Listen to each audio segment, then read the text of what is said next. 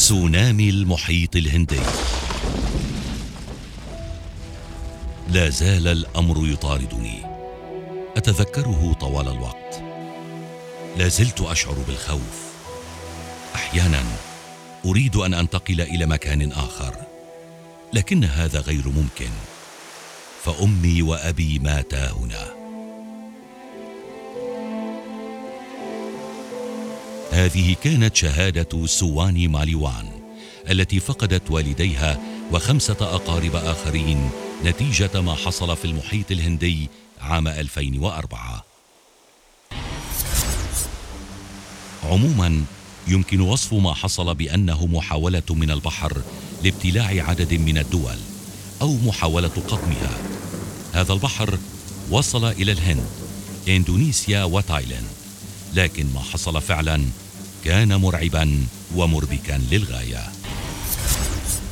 انتهى عيد الميلاد في الخامس والعشرين من كانون الأول. كانت ليلة جميلة للغاية فكان الناس ممن يعنون بهذا الاحتفال قد أقاموا الولائم وتبادلوا المعايدات بينهم. من نظرة محايدة أي من الخارج يمكنك أن تتصور أن هذه المعايدات وهذه المناسبة كانت وداعهم الأخير. لكنهم لم يعرفوا ذلك. في صباح اليوم التالي استفاقت البشرية جمعاء على كارثة طبيعية تستحق أن يقال عنها إنها الأسوأ أو الأقوى في تاريخ البشرية. هذه الكارثة أثبتت وتثبت في كل مرة أن الإنسان أضعف من أن يواجه الطبيعة الأم ما ان غضبت لكن ما الذي حصل تماما؟ في صباح ذلك اليوم ضرب زلزال عنيف عمق المحيط الهندي بقوة تصل إلى تسع درجات فاصلة ثلاثة. وصدقني هذا الرقم كاف لأن يمحي دولة مع جيرانها. هذا الزلزال شكل دفعة قوية جدا في مياه المحيط مما أدى لتشكل موجات تسونامي يصل طولها لنحو الأربعين متراً. وهذا الطول حاليا يعادل مبنى من عشرة طوابق.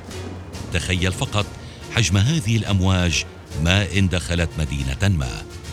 هذا الزلزال يعد ثالث أقوى زلزال شهده البشر على الإطلاق حتى إن فترة حدوثه تعدت الثمان دقائق.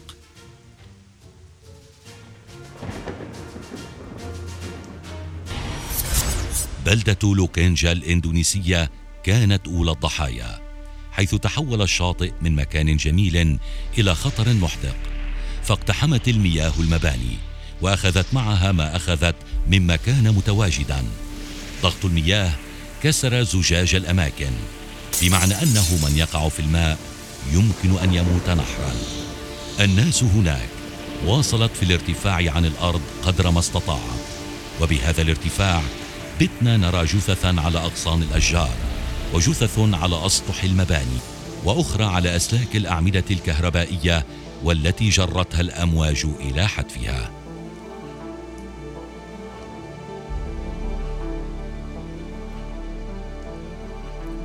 هذا الزلزال وصل بدرجة أخف إلى أستراليا وشبه الجزيرة العربية بعد خمس ساعات من حدوثه فشعر به سكان هذه المناطق. ضحايا هذا الزلزال كانت كارثية للغاية. فبدءا من تايلاند وصل عدد القتلى إلى نحو خمسة ألاف شخص. وفي الهند ازداد العدد إلى العشرة ألاف شخص وخمسة وثلاثين ألفا في سريلانكا. هذه الأرقام خيالية بشكل صريح لكن إندونيسيا لوحدها تلقت الضربة الأقوى. فعدد القتلى هناك وصل إلى نحو 170 ألف قتيل. هذا الرقم أكبر من رقم ضحايا قنبلتي هيروشيما وناكازاكي. البنية التحتية لا يمكن التحدث عنها فلو لم توجد خرائط للمدن التي ضربت بهذه الموجات لما عرف أحد كل شارع أين هو فقد تغيرت معالم كل شيء. هذه الكارثة اعتبرت قياسية في عدد الضحايا وتعتبر أسوأ تسونامي حصلت في التاريخ البشري المسجل.